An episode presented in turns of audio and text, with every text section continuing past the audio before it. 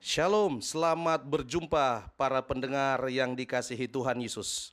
Saya Pendeta James Bawari dalam program acara Rema minggu ini. Kita percaya Tuhan selalu berbicara bagi kita. Tuhan punya janji dan setiap janjinya pasti digenapi. Pastikan setiap kita memegang janji Tuhan dan kita akan menjadi kuat dalam menjalani hari-hari kita. Selamat mengikuti program ini. Tuhan Yesus memberkati. Shalom, Bapak, Ibu, Saudara yang dikasihi Tuhan. Puji Tuhan, kita boleh berjumpa lagi pada saat ini untuk kita bersama-sama membaca dan merenungkan firman Tuhan. Mari kita berdoa sebelum kita membaca dan merenungkan firman Allah. Kita berdoa. Bapa kami di surga dalam nama Tuhan Yesus, kami bersyukur untuk kebaikan-Mu. Saat ini kami mau membaca dan merenungkan firman-Mu. Karena kami percaya firman-Mu itu pelita bagi kaki kami dan terang bagi jalan kami. Ajar kami Tuhan menghitung hari-hari kami sedemikian, supaya kami beroleh hati yang bijaksana.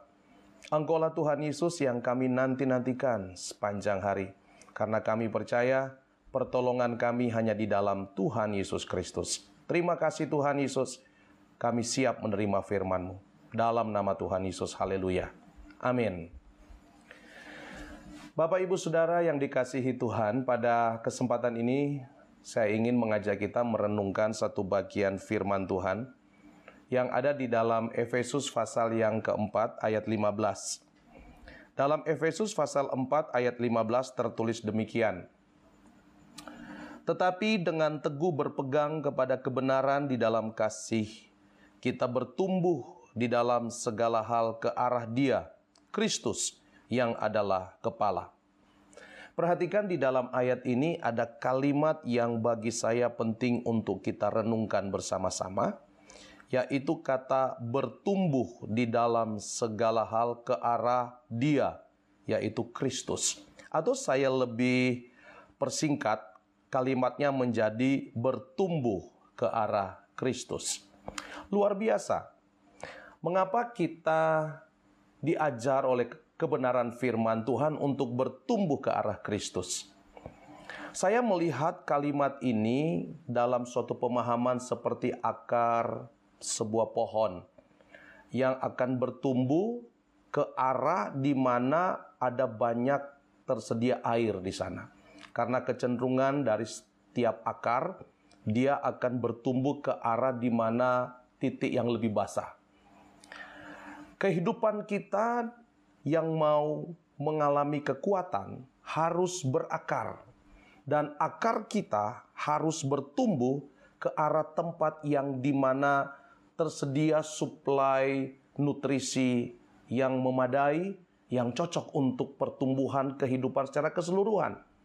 Dan dalam kebenaran firman Tuhan ini diajarkan supaya kehidupan kita yang sedang di dalam proses berakar menjadi kuat di dalam Tuhan, bertumbuhnya akar kita itu bertumbuh ke arah Kristus. Apa pun penghalang-penghalang yang sedang menghalangi arah pertumbuhan ke arah Kristus, segala penghalang itu harus kita lewati. Seperti sebuah akar pohon, pada waktu proses pertumbuhan sedang terjadi, jika ada sebuah benda yang menghalangi di bawah tanah itu, saya yakin akar itu akan mencari jalan yang lain. Dia akan berusaha untuk mendapatkan titik di mana akar itu memperoleh titik yang basah, yang banyak airnya. Nah, Bapak Ibu Saudaraku yang dikasihi Tuhan Yesus Kristus, kebenaran ini sangat penting sekali untuk kita dan sangat mendasar untuk kita perhatikan karena jika kita tidak bertumbuh ke arah Kristus, maka setiap langkah kehidupan rohani kita akan menjadi sia-sia. Mengapa kita harus bertumbuh ke arah Kristus? Dengan kata lain, mengapa kita harus terus terhubung dengan Kristus, menjadi satu di dalam Kristus, terkoneksi dengan Kristus? Saya melihat di dalam kebenaran firman Tuhan, paling tidak saya mengajak kita merenungkan ada tiga alasan Mengapa kita harus terhubung dengan Kristus, bertumbuh ke arah Kristus? Yang pertama, karena di dalam Kristuslah ada ciptaan baru. Di dalam 2 Korintus pasal 5 ayat 17 dikatakan, jadi siapa yang ada di dalam Kristus, ia adalah ciptaan baru, yang lama sudah berlalu, sesungguhnya yang baru sudah datang. Perhatikan kalimat yang akan saya sebutkan berikut ini. Menjadi ciptaan baru. Menjadi ciptaan baru hanya ada di dalam Kristus. Hal-hal dalam kehidupan kita hanya mungkin mengalami pembaharuan kalau kita ada di dalam Kristus. Dengan kata lain, hanya Yesus yang sanggup membaharui kehidupan kita dari hari ke sehari. Bapak, ibu, saudaraku yang dikasihi Tuhan, perjalanan iman yang sesungguhnya haruslah mengalami pembaharuan. Saya kira kita semua akan merasa tidak wajar jika seseorang dalam pertumbuhan secara rohani, kehidupannya terus sama dari hari ke hari. Katakanlah, ada hal-hal dalam kehidupannya yang menjadi kelemahan dalam hidupnya. Tetapi kelemahan itu terus-menerus ada dari tahun ke tahun. Saudara, kita memang semua memiliki kelemahan. Tetapi kalau kelemahan itu terus-menerus terpelihara dari hari ke hari, dari minggu ke minggu, dari bulan ke bulan, dari tahun ke tahun, wah, berarti tidak ada perubahan terjadi dalam kehidupan kita. Menjadi tanda tanya besar sejauh mana pertumbuhan kehidupan rohani kita. Jika kita sebagai orang yang percaya kepada Kristus, yang hidup di dalam Kristus tetapi tidak ada pembaharuan dalam kehidupan kita, pembaharuan dari segi perkataan kita, tidak ada pembaharuan dari segi pola pikir kita, perilaku kita, kehidupan kita maka kehidupan yang tidak dibaharui tidak akan menjadi berkat. Kita akan terus-menerus sama dari hari ke hari. Dan saya yakin itu merupakan suatu tanda keadaan yang tidak sehat dalam kehidupan rohani kita.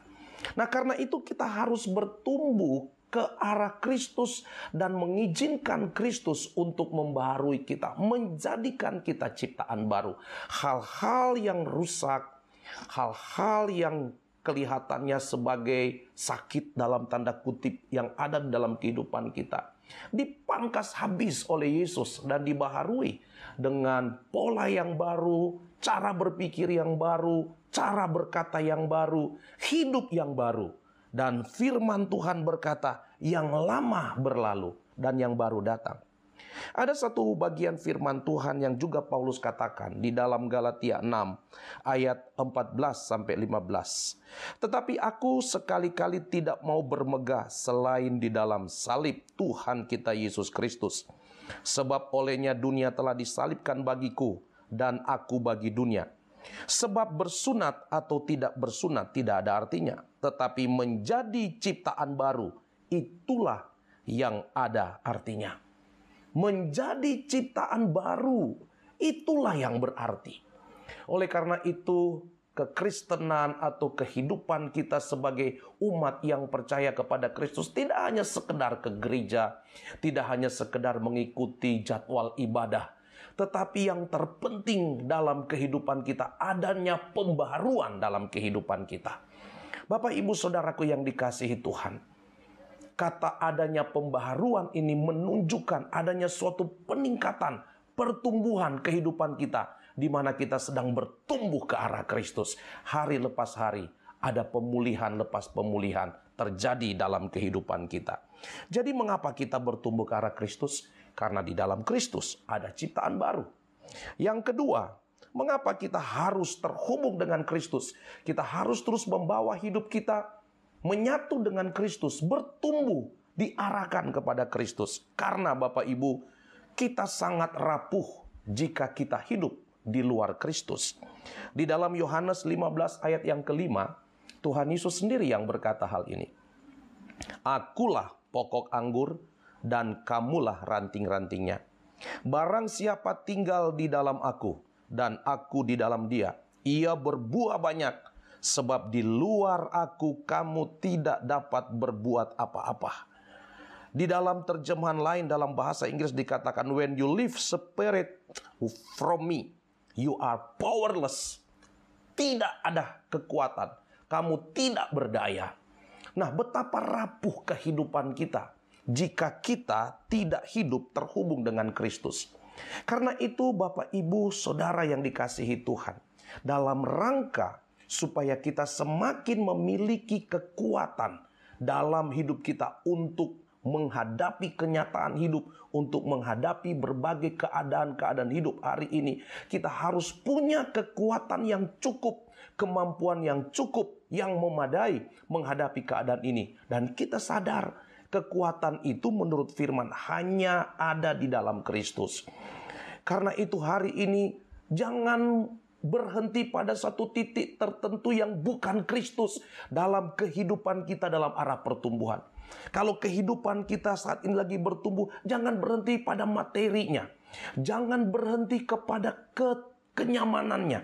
Jangan berhenti kepada situasinya. Pastikan pertumbuhan kita terus mengarah, menyentuh satu titik yang menjadi tujuan utama yaitu kita terhubung dengan Kristus.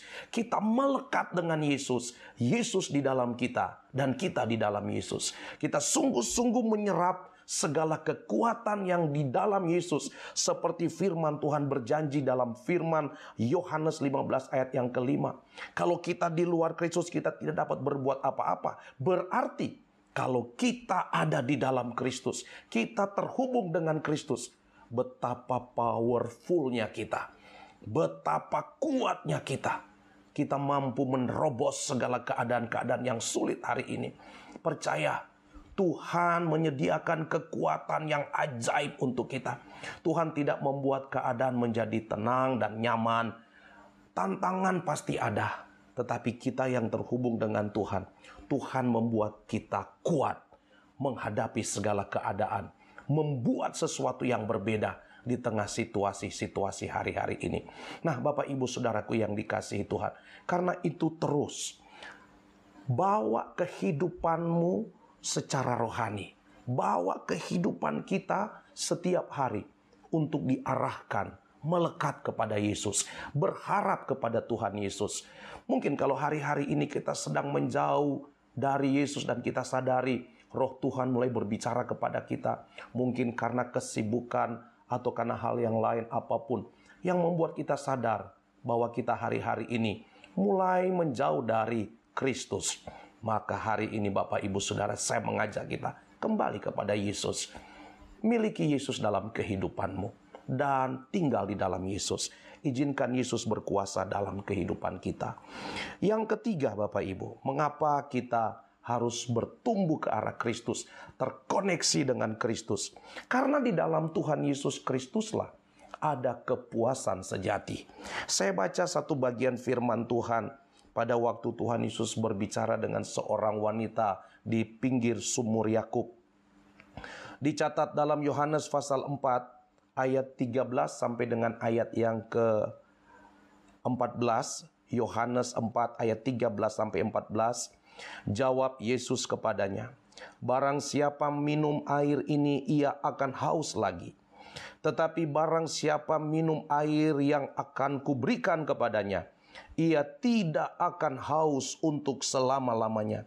Sebaliknya air yang akan kuberikan kepadanya akan menjadi mata air di dalam dirinya yang terus-menerus memancar sampai kepada hidup yang kekal. Haleluya! Barang siapa minum air yang daripada Yesus, kata firman Tuhan. Air yang daripada Yesus itu apa sih? Saudaraku yang dikasih, Tuhan tidak berbicara tentang air secara fisik, tapi sedang berbicara tentang dirinya, karena Yesus adalah air hidup. Pada waktu kita mengambil Yesus, terhubung dengan Yesus, kita menyerap segala berkat-berkat rohani dalam Yesus, kekuatan rohani di dalam Yesus. Tuhan Yesus menjamin kita akan menjadi segar hari lepas hari. Kita akan mengalami kepuasan sejati dalam kehidupan kita. Kita tidak merasa perlu lagi dunia memuaskan kita. Karena seluruh kehidupan kita sungguh-sungguh telah dipuaskan oleh Tuhan Yesus.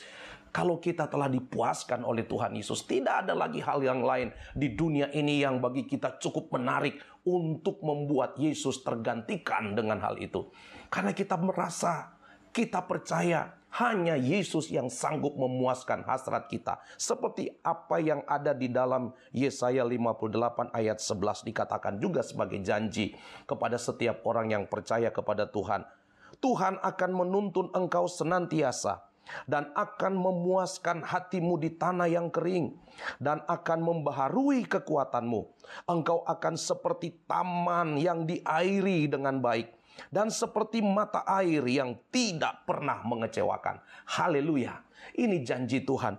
Tuhan akan membaharui kekuatanmu. Tuhan akan membuat kita seperti taman yang diairi setiap hari. Taman itu hijau, taman itu indah, taman itu subur. Itulah kehidupan Anda dan saya pada waktu kita terhubung dengan Tuhan Yesus Kristus, segala bilik-bilik kehidupan kita akan diisi penuh oleh Tuhan. Tidak ada bilik yang kosong. Sehingga kita hari lepas hari mengalami ketenangan, mengalami sukacita, yang terutama mengalami kepuasan yang sejati.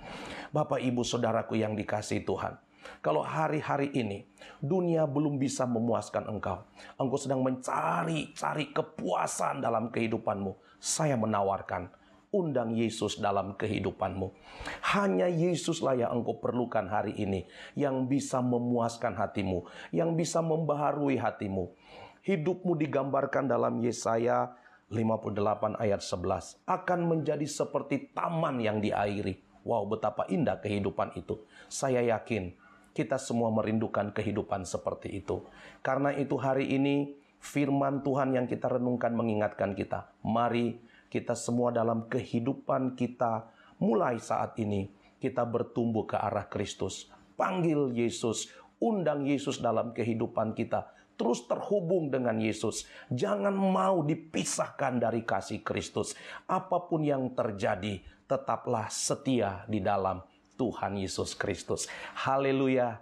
Tuhan Yesus memberkati kita semua tetap kuat di dalam Tuhan Yesus karena Tuhan Yesus pasti akan memberkati kita. Haleluya. Kita berdoa. Tuhan Yesus terima kasih untuk kebenaran firman-Mu ini.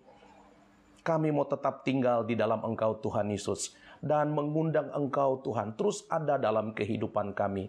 Tuntun kami Tuhan, Engkaulah pribadi yang kami perlukan Engkaulah Tuhan Yesus yang paling kami butuhkan dalam kehidupan kami. Kami simpan firman dalam hati kami, supaya kami jangan lagi berdosa di hadapan Tuhan. Terpujilah Tuhan Yesus Kristus yang telah berfirman kepada kami. Dalam nama Tuhan Yesus, haleluya, amin. Bapak, ibu, saudara yang dikasihi Tuhan, biarlah renungan ini menyegarkan hati kita, menguatkan kita, dan renungan ini juga Bapak, ibu bisa ikuti di Spotify dalam podcast dalam program acara yang sama yaitu Rema. Tuhan Yesus memberkati kita semua. Shalom. Demikianlah Rema pada hari ini. Kiranya Rema hari ini memberkati kita semua. Bapak Ibu para pendengar juga dapat mengikuti setiap khotbah-khotbah kami yang ada di YouTube dan di Instagram dalam channel James Baware. Tuhan Yesus pasti memberkati kita semua. Tuhan Yesus luar biasa. Haleluya.